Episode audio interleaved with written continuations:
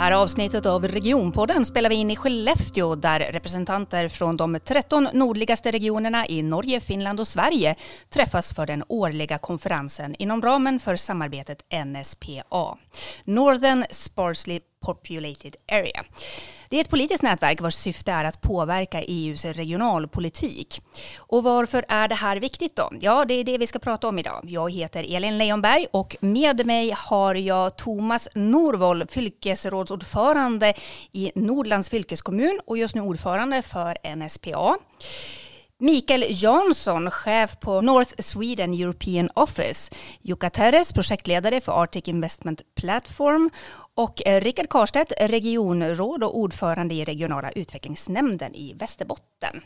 Ja, under två dagar så träffas ni alltså här, representanter från 13 regioner i tre länder. Thomas, du är just nu ordförande i NSPA. Vad är det ni ska prata om under de här dagarna?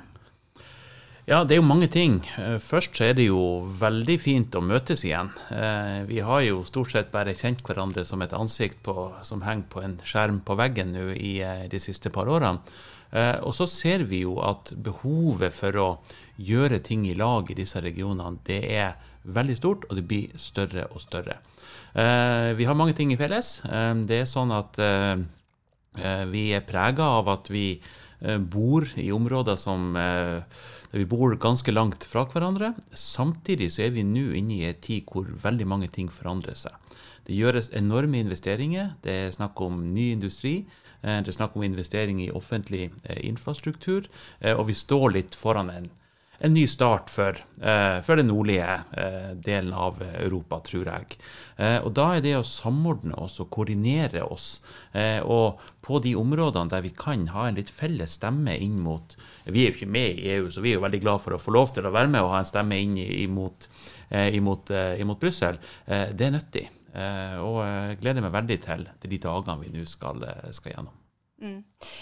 Eh, vi måste också prata om vad NSPA är för någonting. Eh, och Rickard, du är ledamot i styrkommittén. Jag tänkte du skulle få äran att berätta vad ni gör och vilka ni är. Ja, men vi är ju representanterna från de här olika regionerna och det som är viktigt är väl att vi samordnar oss. EU är stort. EU är många länder. Eh, stora starka städer eh, som har väldigt mycket att säga till om kan man väl säga. Både nationell politik men också Europapolitiken. Och här är vi då ganska glesa, få människor som bor i de här eh, olika regionerna. Och det är klart att tillsammans blir vi en stark part och vi har ju sett det också att EU lyssnar ju verkligen på oss när vi pratar med EU. Så vår huvuduppgift som jag ser det, det är att samordna oss för att driva villkor mot EU för att förbättra våra regioners möjligheter. Och vi tycker väl att det är ganska framgångsrikt. Mikael, du jobbar dagligen med påverkansfrågor i Bryssel. Varför är det viktigt att påverka regionalpolitik i EU? Ja, men regionalpolitik är ju egentligen allt som har med vår utvecklingsmöjligheter, vår, vår kapacitet att bygga en framtid någonstans. Och då är ju alla aktörer som kan bidra till det viktigt. Och EU är ju en viktig aktör. Dels har man ju finansiering, man har pengar. Men det är också så att EUs regelverk kan ju ställa till hinder eller skapa möjligheter. Så det gäller ju att också det fungerar. Och ett väldigt konkret exempel är ju statsstöd till flygplatser, om man får lov att ge pengar till flygplatser eller inte. Och eh, i övriga Europa så kanske det är dumt att lägga skattemedel på det, men i våra regioner där flygplatsen är livsnerven för väldigt mycket så är det ju väldigt viktigt att kunna ha möjligheten att ge stöd till de lokala flygplatserna och då får vi speciella undantag och det är ju ingenting vi kan bara gå och säga att vi vill ha ett undantag. Utan det gäller ju att komma tillsammans, visa att vi har speciella förutsättningar, komma med bra underlag, analyser och komma i dialog med EU-kommissionen framför allt då, men även Europaparlamentet och andra. Eh, och det är ju det det sånt här nätverk handlar om, att tillsammans komma och visa. Vi har särskilda förutsättningar, men vi har också stora potentialer och vi behöver komma i dialog med EU för att få det stöd vi behöver. Är det mycket som skiljer eh, våra regioner emot jämfört med andra glesbefolkade regioner i EU? Ja, alltså det är ju dimensionen, omfattningen. Det finns ju andra glesbefolkade områden runt om i Europa. Eh, men annars är det väl generellt att när man pratar glesbefolkade områden så tänker man allmänt landsbygd och då tänker man kanske på jordbrukslandsbygd i Centraleuropa någonstans och tänker inte så mycket på de glesbefolkade i övrigt. Och där är det ju det att vi är en helt, helt område som står för ungefär 10% av EUs yta med ungefär 0,5% av EUs befolkning. Och det är klart att det är ett enormt eh, land land eller ett område så att säga och det skiljer oss från andra. Det är klart att det finns glesbefolkade områden men de har ändå ofta ganska nära till de stora marknaderna, till större städer. Till så. Men vi har ju ett helt, en hel region här uppe i, i norra Sverige, Finland och Norge som tillsammans utgör en, det arktiska Europa helt enkelt. Eh, och vi har ju städer och vi, har, vi är befolkade men det är klart att det är på en helt annan nivå och dimension jämfört med hur det ser ut i Centraleuropa. Mm. Hur stor påverkan har beslut på EU-nivå här på regional nivå skulle ni säga? Ja, väldigt stor. Eh, man brukar ju säga någonstans 6-7 av 10 beslut i ett lokalt kommunfullmäktige berörs av EU-beslut. Så att EUs, EUs beslut är väldigt eh, berörande på lokal nivå. Eh, och det är här det är viktigt. En fråga som är väldigt viktig nu är ju till exempel svensk skogsbruk. Eh, där diskussionen är, ska det stå för att lagra koldioxid? Och det, då kan man säga så att enkelt uttryck att eh, ska vi ta upp delar av Europas utsläpp med vår skog som ska stå? Eller ska vi aktivt bruka den? Och vi vill naturligtvis aktivt bruka vår skog och menar på att det är bättre. Men det är en fråga som är väldigt högt upp på EU-agendan just nu. Är det en sån fråga som kan komma upp eh, i det här NSPA-samarbetet också? Ja men absolut, den har väl varit upp och den är ju väldigt aktuell på vårt Brysselkontor där Mikael jobbar och den är aktuell egentligen överallt. Mm. Kan ni ge några andra exempel på så konkreta frågor som ni jobbar med? Ja, men, alltså en, en, en, kopplad fråga är ju förstås också infrastruktur och kommunikationer. och Det är ju jätteviktigt för regioner som våra. och Där har vi ju en gemensam utmaning i hela NSPA-området. Så att vi, vi ligger lite längre från de stora marknaderna och vi har lite längre mellan varandra och behöver bygga ihop det. och Det är klart att då är det ju jätteviktigt att vi kommer in i EUs strukturer, infrastruktur, deras eh, stomnätskorridorer och så vidare och finns del utav det. För det gör ju också också att vi kan få finansiering från EU.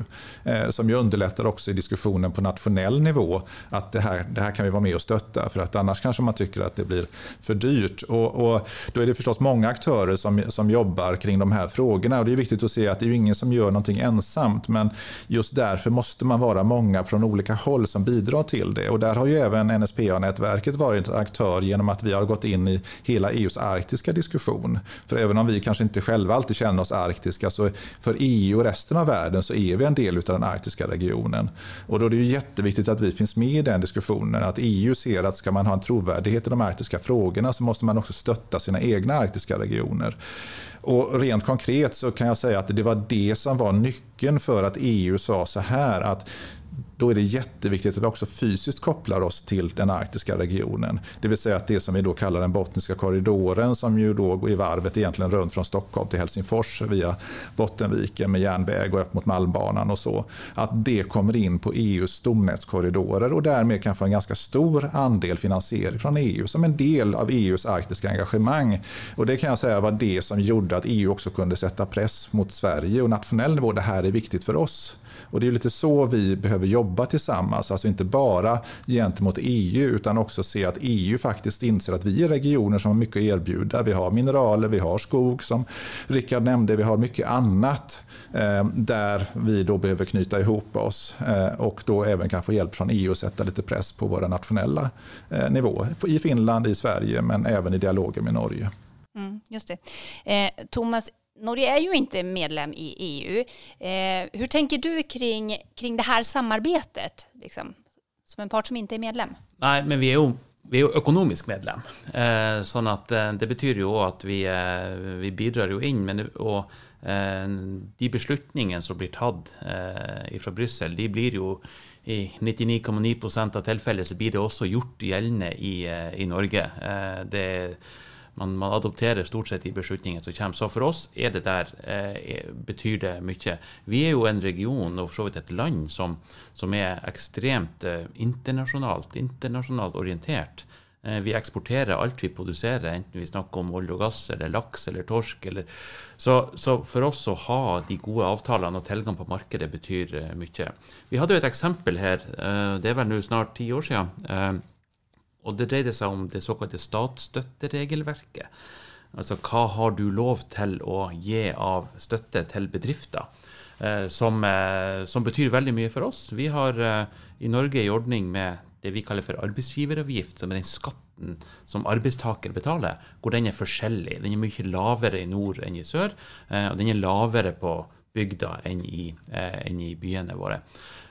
Så kom det en beslutning som plutselig sa at det der ikke var lov. Eh, og det gjorde jo at det viktigste virkemidlet vi hadde for å støtte bedrifter ute i distriktene, ble borte over natta. Eh, og da fikk vi oss en skikkelig vekker og ser at vi må faktisk også være til stede der beslutningen blir tatt, uh, og, og, sørge for at det er et rom for at vi også i, i, nord kan bruke virkemidler for å løfte eh, regionene våre. Og da, da, trenger vi våre gode venner i Sverige og Nord-Sverige og Nord-Finland, for vi har de samme utfordringene. Eh, at vi kan få lov til å være litt sånn Eh, sitte på ryggen og, og være med og, og, eh, og, slåss for de sakene, men, men, jeg tror også vi kan bidra inn eh, med, med, med, kunnskap og kompetanse og eksempler inn i de diskusjonene.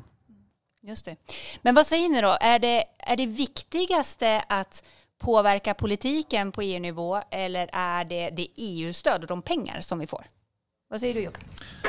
Jo, jag skulle säga att för, först, uh, först för, funderar man att vi borde maximera vårt stöd, men jag tror att det räcker inte. Vi borde också bygga upp för kunskap samtidigt och uh, istället för att bara visa oss som, som källa av naturresurser. Jag tror att det, på, lång, på längre sikt vi måste också bygga upp gemensam kunskap och kritisk massa. Och det, det, det gör vi bäst tillsammans med, med. Jag var med i ett möte nu på morgonen och vi räknar att vi har 50 plus universiteter, forskningsinstitutioner i det här NSPA-området. Och nu är det bara att eh, få ut och maxa potentialet av dem. Och jag tror att vi måste göra det tillsammans. Så jag, pengarna är viktiga, men jag tror att det här kunskap, kunskapsuppbyggande är, är nästan lika viktigt. Mm. Vad säger du, Rickard? Nej, men jag håller definitivt med och visst kan vi prata om pengar men Sverige är ju så att vi, vi ger ju mer än vi får tillbaka. Eh, så ur det perspektivet tycker jag inte att det är så intressant. Det som är intressant det är ju det Mikael är inne på, att vi är en del av EU och hur bygger vi ut Sverige? Vi skulle aldrig vara i det läget där jag nu hoppas att, att svenska regeringen nu skyndar på Norrbotniabanan verkligen. Men vi skulle aldrig ha varit i det läget om inte EU hade lagt in där i sin stomnätskorridor. Och Sverige har faktiskt ett handslag med EU att till 2030 ska banan vara byggd. Och det är därför vi hela tiden påminner Trafikverket det, att 2030 finns ett handslag med EU att Norrbotniabanan ska bli byggd. Så att vi använder ju också EU för att sätta press nationellt som kanske inte alltid tittar norrut och, och vet allt som händer uppe hos oss.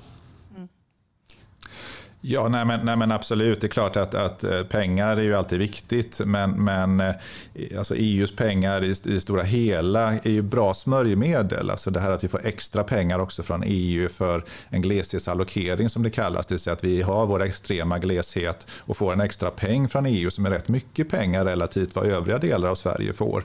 Som har varit jätteviktigt i hur vi bygger ut turismnäring och annat. Som ju, det är det smörjmedel som finns på något sätt att få ihop aktörerna för att göra saker och ting. Men jag tror att det där där är nyckeln. Att det är mer ett smörjmedel för att göra saker vi annars kanske inte hade gjort. Att få ihop aktörer och som också i sin tur i nästa del gör, läge gör att vi blir en del av den här större gemenskapen som ändå EU är.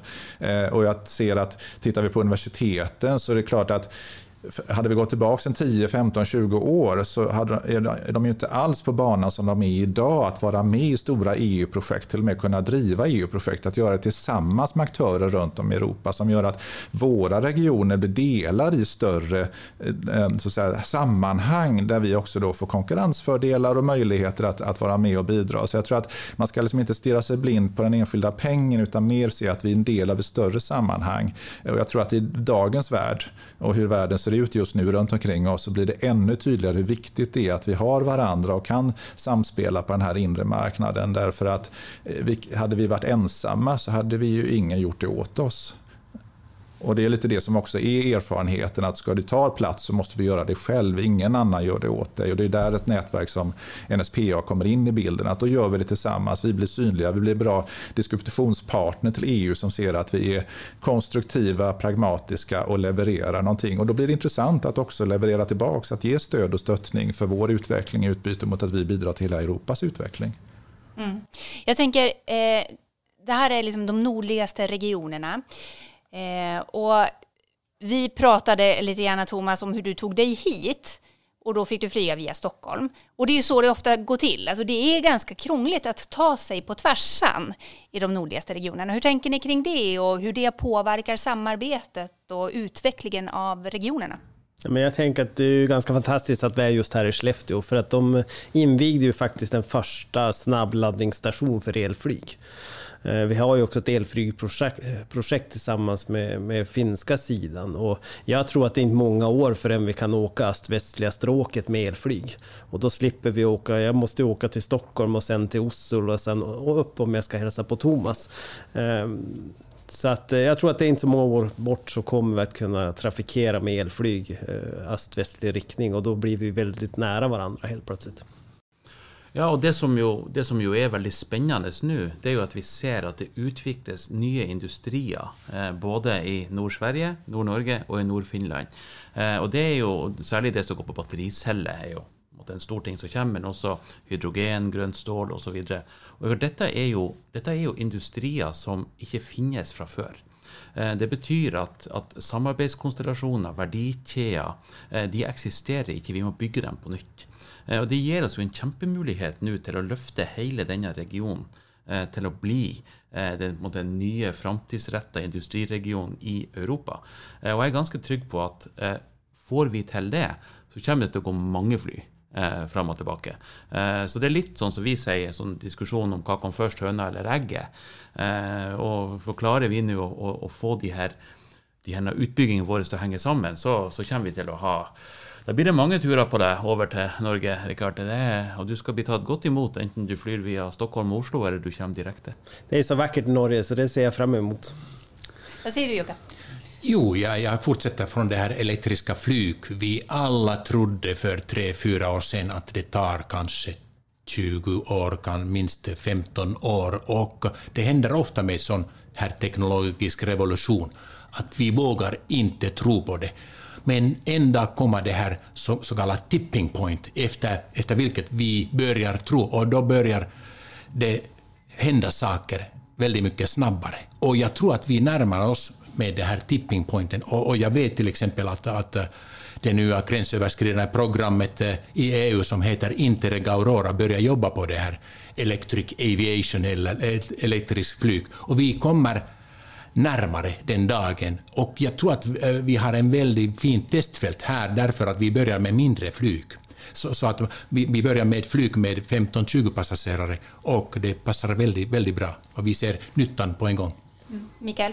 Ja, men jag tror att det som är intressant lite grann med, med just EU och EU-medlemskapet e eh, och, och även man då är nära kopplat till EU, det är just det här att plötsligt har vi en ny arena som, som vi spelar på. För att tidigare så var fokus huvudstaden nationellt. Nu har vi en annan arena som är Bryssel och, och någonstans så blir ju det också en arena för att det här NSPA-nätverket startade ju genom att Brysselkontoren egentligen började titta på varandra och tänka att men vi kan väl inte springa var och en för sig, vi borde jobba ihop Fast man då inser att i regionerna så är inte det, självklart har man haft ett utbyte, men att göra det vardagsvis är ju inte naturligt på grund av avstånden. Men på något sätt så blir EU eller Brysselarena närmare till att träffas och mötas och skapar en ny plattform för det som då skapade NSPA-nätverket och som i sin tur gjorde att vi tog fram rapporter och studier för att bättre förstå oss själva, förklara oss för, för, för, för EU hur, hur det fungerar här, men som samtidigt blir redskap för oss själva att börja hitta varandra, att skapa samarbeten på olika sätt. Och jag tror att det där ska man inte underskatta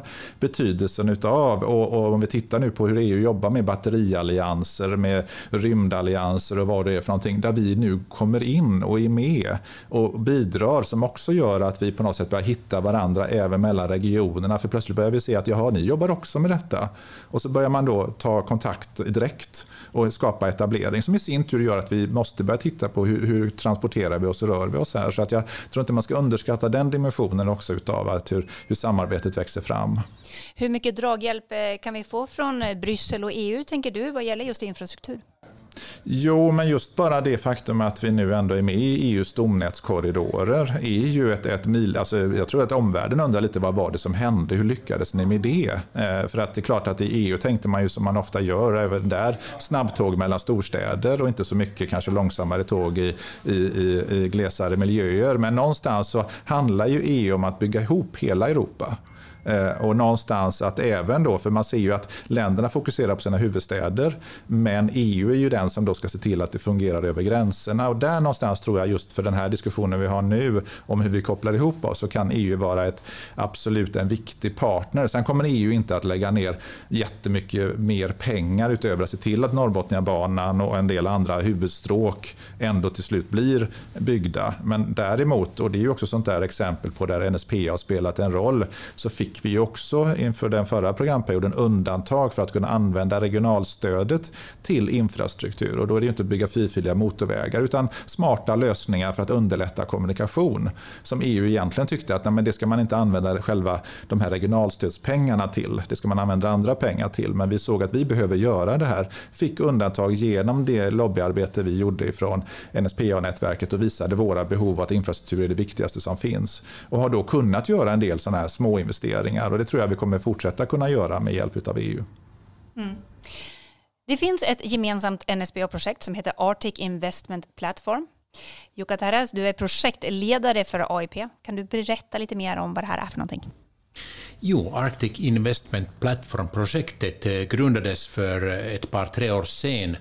Och varför grundades det? Det var eh, situationen där vi hade våra, våra naturresurser, vi hade vår kunskap, vi hade våra universiteter och vi hade våra innovationer, men samtidigt eh, riskkapital och kapital för växtföretag, det, det, ska, det, det har koncentrerats till våra storstäder i Finland, Sverige och Norge. Och det är bra så att det, eh, pengarna finns där, men vi vill också ha möjlighet för för eh, regioner här uppe, NSPA-regioner, att vara med i det här växtföretags kapitalförsörjning.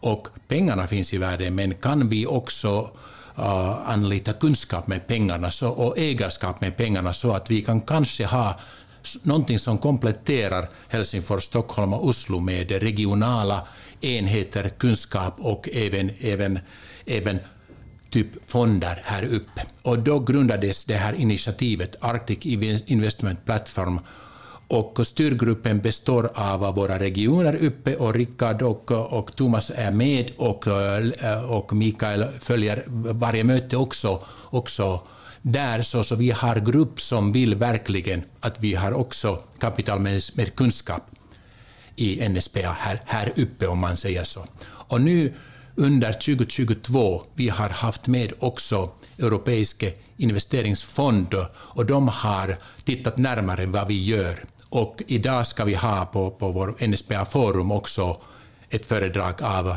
EIF som de heter, Europeisk investeringsfond. Det är spännande att höra hur de ser situationen med oss. Men jag tror att det är också någonting som har att göra med det här gröna skiftet som hela Europa har hört att vi gör någonting rätt här uppe med det här gröna skiftet med industrier och det finns intresse från Europa. Och nu kombinerar vi med det här Arctic Investment Platform. Helt konkret är vi ute efter ett nytt fond som ska skapas här uppe och eh, om möjligt gränsöverskridande med gränsöverskridande element.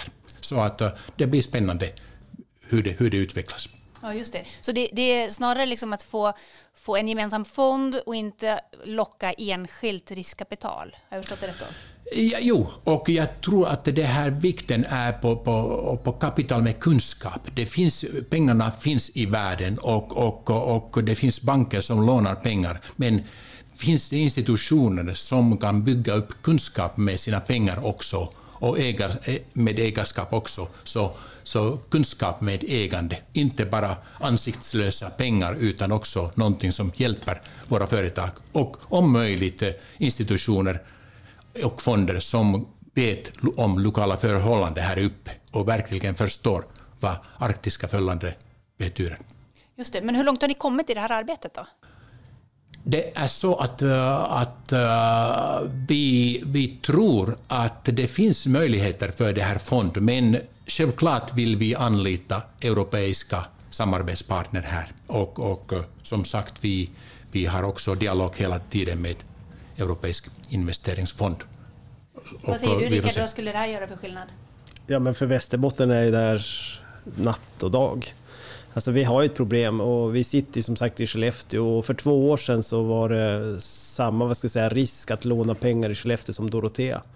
Eh, vi har den största bostadsbristen. Nu har det där förändrats, men banker och alla finanssystem i Sverige tittar ju på SCB-statistik statistik som är två år gammal. Och vi behöver inte åka långt härifrån förrän ett företag inte får låna för att bygga ut eller så vidare. Så kapitalförsörjningen är ju en extremt viktig fråga i ett sånt här glest län. Eh, förutom Umeå och Skellefteå ska jag säga alla har det problemet. Kan vi gå in här och hitta system som gör att det blir lättare att kunna investera i ett företag i Vilhelmina, Dorotea, Storuman eller Sorsele, då är det ju extremt viktigt. Mm. Vad säger du? Jo, och det som, det som är nu, nu, er det mange store nye industrietableringer i alle de tre eh, landene. Eh, de trenger titalls milliarder. Eh, de pengene, de finnes. Altså De virkelig store pengene de finnes. Det som er vanskeligere å få investert i, eller å få, få eh, finansiert, det er de, de, de, små og de mellomstore. Eh, husk på at når, når Northvolt nå etablerer seg i Skellefteå, så blir det noen tusen arbeidsplasser knytta til selve produksjonen. Vi har en helt lik etablering i Mo i Rana i, i Nordland. Den fabrikken er én ting, men det skal foregå veldig mye før eh, det blir ei battericelle. Det er mange som skal levere tjenester inn. Og det er også en mulighet til å gjøre mye med ei battericelle eh, etterpå. Eh, og det er jo de bedriftene som, som gjerne er kompetansebedriftene, som utvikler nye tjenester. Eh, og vi jo veldig, har jo veldig, et veldig sterkt ønske om at det skal være bedrifter som har et tydelig lokalt, regionalt eh, eierskap. Eh, vi er litt redd for at med de store investeringene vi får, så vil veldig mye ut av kompetansen og utviklinga, framtids, framtidsjobbene, ligge utenfor vår region. Skal vi motvirke det, så må vi ha en, en kapital som, er, som, på en måte er, eh, har som, som, eh, som, mål, som syfte, å, eh, å utvikle den, den, regionen som vi er i. Så jeg tror Hvis vi får det på plass, så kan det bli et utrolig viktig Eh, Eh, virkemiddel for å bygge hele disse verdikjedene i, eh, i, i regionene våre. Så eh, jeg håper Vi skal nå ha et møte i ettermiddag, tror jeg, så jeg håper jo att vi är kommet ett godt stycke på, på vei nå. Exakt, och jag kan bara fortsätta att ordet förankra kunskap och arbetsplatser här, det är viktigt att, att stora investeringsprojekt ofta kommer och går. Men om vi får, just vad Thomas säger, är inne på det här underleverantörskedjan med, med lokala, regionala uh, företagare, då, då ser vi dem på gatan. Vi vet att de, de, många av dem stannar och, och, och bor här och då blir det långsiktigt påverkande. Jag undrar, i det här, region, eller i det här samarbetet mellan regionerna, vi, ni har berättat om eh, gemensamma utmaningar och liksom så. Är det någonting som skiljer er åt, där ni brukar vara oense? Ja, men jag kan bara, det är klart att det skiljer oss åt. Vi behöver bara gå till Sverige och prata om Västerbotten och Norrbotten. Västerbotten, vi är ju som sagt 95 procent småföretag. Vi har ett snickeri i nästan varje liten by. Norrbotten är en stark gruv, gruvlän och har byggt upp industri kring kluster runt gruvorna. Så det är klart att vi skiljer oss, men, men, men vi har också mer likheter än olikheter. Så oftast försöker vi hitta vägar framåt. Eh, och jag upplever att det har gått väldigt, väldigt bra. Mm. Vad säger Mikael? Ja, men, absolut, det finns ju stora skillnader. och Det, är ju bara, men det här sträcker ju sig från Karelen i östra Finland och ända upp till det nordligaste Norge. Det är klart att det är stora, stora skillnader, men, men det finns väl någonting som i de här skillnaderna binder samman allting och det är kapacitetsbrist. Och det tänker jag, det ser vi ju även inom våra regioner. Jag menar, tittar vi bara på Västerbotten, ja, Skellefteå växer så det knakar, men man har ju egentligen kapacitetsbrist för att hantera det fullt ut. Och, och som som, som med stora utmaningar. Men på samma sätt är det, går, vi, går vi till inlandet, går vi till inlandet så ser vi ju också liksom att det är kapacitetsbrist. Det växer inte, men man har kanske en utflyttning. Men det är ju på grund av att man då också saknar kritisk massa för att hitta de här vägarna framåt. Så att det är ju, jag tror att, att även om det ser väldigt olika ut så finns det ett antal grundtoner i alltihop som är gemensamma och som vi behöver jobba med. Och det är väl där NSPA-nätverket ändå hittar sin gemensamma nämnare. Mm. Jag tänker också att vi har ju ett helt nytt läge i Europa just nu eh, med ett krig som pågår väldigt nära oss. Påverkar det här ert samarbete på något sätt? Ja, men jag skulle säga det att eh, det här visar väl på vikten. Jag skulle säga om du hade frågat mig för tre år sedan så skulle jag aldrig kunna drömma om att världen skulle stå inför det vi har stått inför. Först en pandemi som, som stängde gränserna för första gången egentligen sedan det öppnades efter andra världskriget. Vi har inte haft stängda gränser. En pandemi gjorde att det slog stopp fullständigt. Vi ser gränshandeln mellan Sverige och Norge. Vi såg eh, mellan Sverige och Danmark och även Sverige och Finland hur, vilka problem som uppstod. Och sen när vi väl har kommit förbi det och känner att nu, nu öppnas det igen, då ser vi då ett krig som vi inte heller har sett eh, på extremt länge. Men det här visar väl på att vi behöver mer samarbete, inte mindre samarbete. Och vi kanske måste utveckla mer självförsörjning. Eh, allt ifrån matproduktion till industriproduktion. Men vi måste tänka på oss, vår inre marknad i Europa. Eh, och därför tror jag på att vi behöver absolut öka samarbetet. Så den, den, krigen vi ser nu, den är ju en, den är ju en krig mellan två länder, men det är också en krig mellan två system. Altså Det er en krig mellom et, et autokratisk styresett og demokratiet.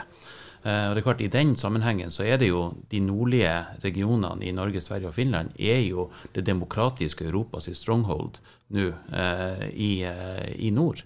Eh, og vi kan være ganske trygge på at den neste konflikten som kommer mellom det demokratiske Europa og, og, Russland. Det er ikke sikkert den blir militær, men den neste konflikten den kommer ikke pga. Av, av eh, eh, politisk uenighet mellom Russland og Ukraina, den kommer pga. ressurser.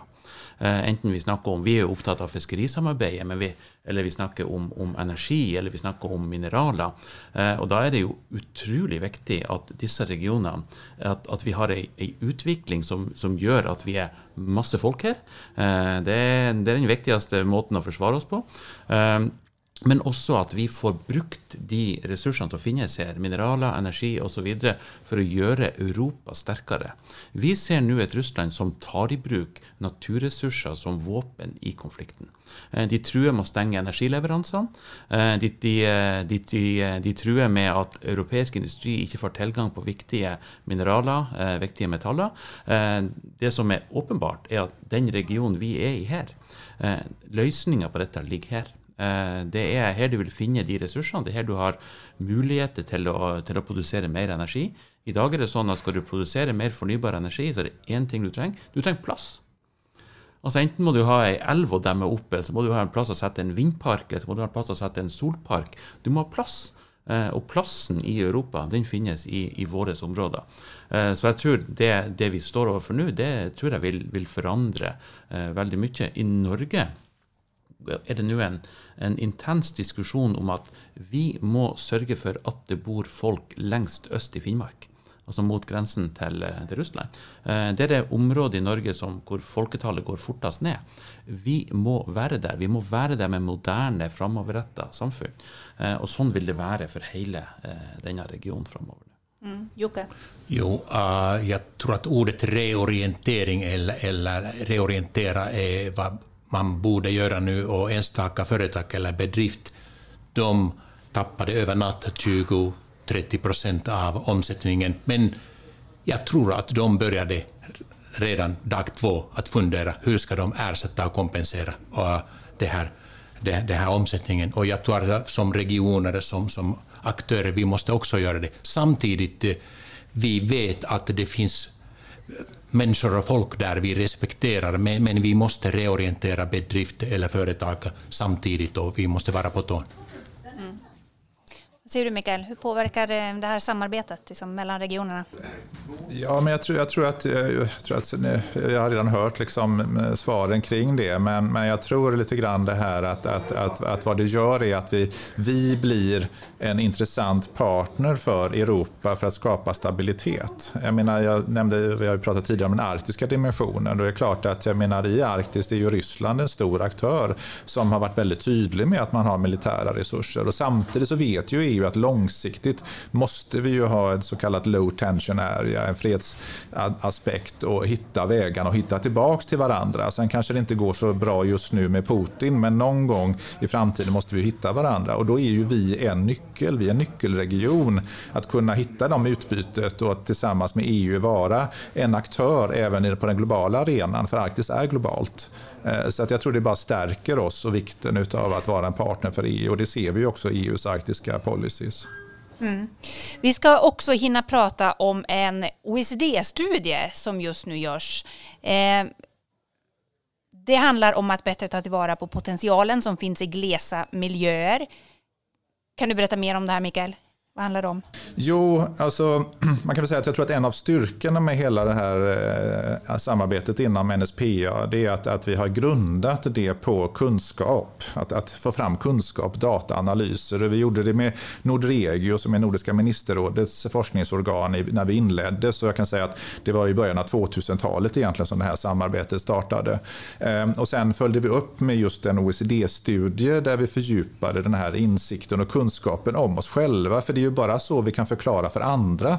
Vilka är vi? Vad har vi för behov? Hur ser det ut hos oss? Eh, vad behöver vi för stöd? Vad kan vi bidra med? Genom att vi själva förstår oss själva någonstans. Och jag tror också att man ska inte underskatta betydelsen av att det också vänder perspektiven lite grann. För från början var det absolut så att man kom till kommissionen och sa att titta här, vi har jättestora utmaningar. Och så säger kommissionen, EU-kommissionen att ja, vi ser att ni har stora utmaningar, men vad ska ni göra åt det? Och då plötsligt vänder man ju perspektivet. Ja, ska vi få stöd så måste vi också visa på vad har vi för potential, vad kan vi utveckla för någonting? Och där behöver vi ju då extern expertis och kunskap. Eh, och det är väl egentligen det vi vill bygga vidare på nu med den här nya OECD-studien som vi också får finansiering från EU-kommissionen för. Så det visar ju på något sätt hur EU ser att eh, men det här är viktigt och det här är viktiga regioner för oss.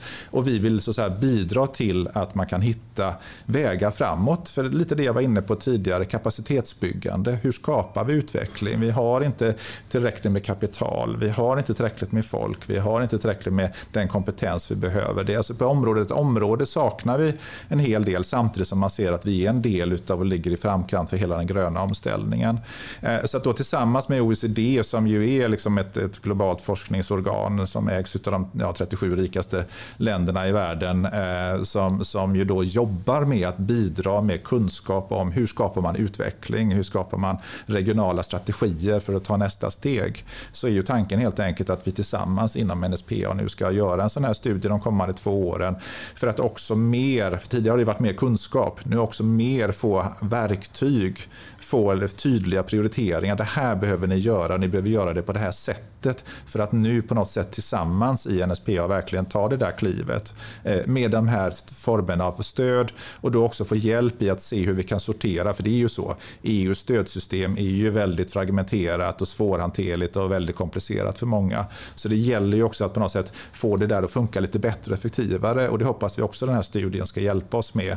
Eh, och kanske då också ställa lite krav både på nationell nivå och EU att det här behöver nog omformas lite grann för att passa oss ytterligare lite bättre. Så att eh, det kommer bli ett intressant arbete nu som vi alla 13 regioner går in i. Ska vi ju säga att det, det är framförallt Finland och Sverige eftersom vi är med i EU men, men glädjande nog så har ju Norge också valt att man vill vara med i det här även om man då inte formellt kan ta del av själva den här EU-pengen för själva studien. Ja, men just det. När ska det vara klart då? Ja, om två år ungefär. Mm. Hörrni, tiden går fort. Eh, avslutningsvis, Rickard. Ni får eh, äntligen träffas efter två år av pandemi. Hur betydelsefullt är det att få träffas fysiskt för att diskutera de här frågorna?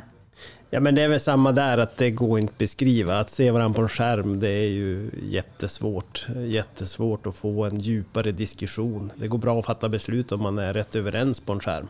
Men i övrigt går det inte att jämföra. Ehm, så att eh, det känns helt fantastiskt eh, att vara här idag och få träffa alla. Mm. Vad hoppas eh, du främst få ut av de här dagarna, Jukka? Jo, det är ju substansfrågor men också den här känslan att vi hör ihop och det, det finns eh, kraft i det här nätverket och det började redan på frukostbordet så, så, så att folk kommer, kommer att träffas. Det ser väldigt positivt ut. Mm. Stort tack för att ni kom och var med i Regionpodden som alltså spelades in på Wood Hotel i Skellefteå den 24 mars. Och tack också till dig som har lyssnat.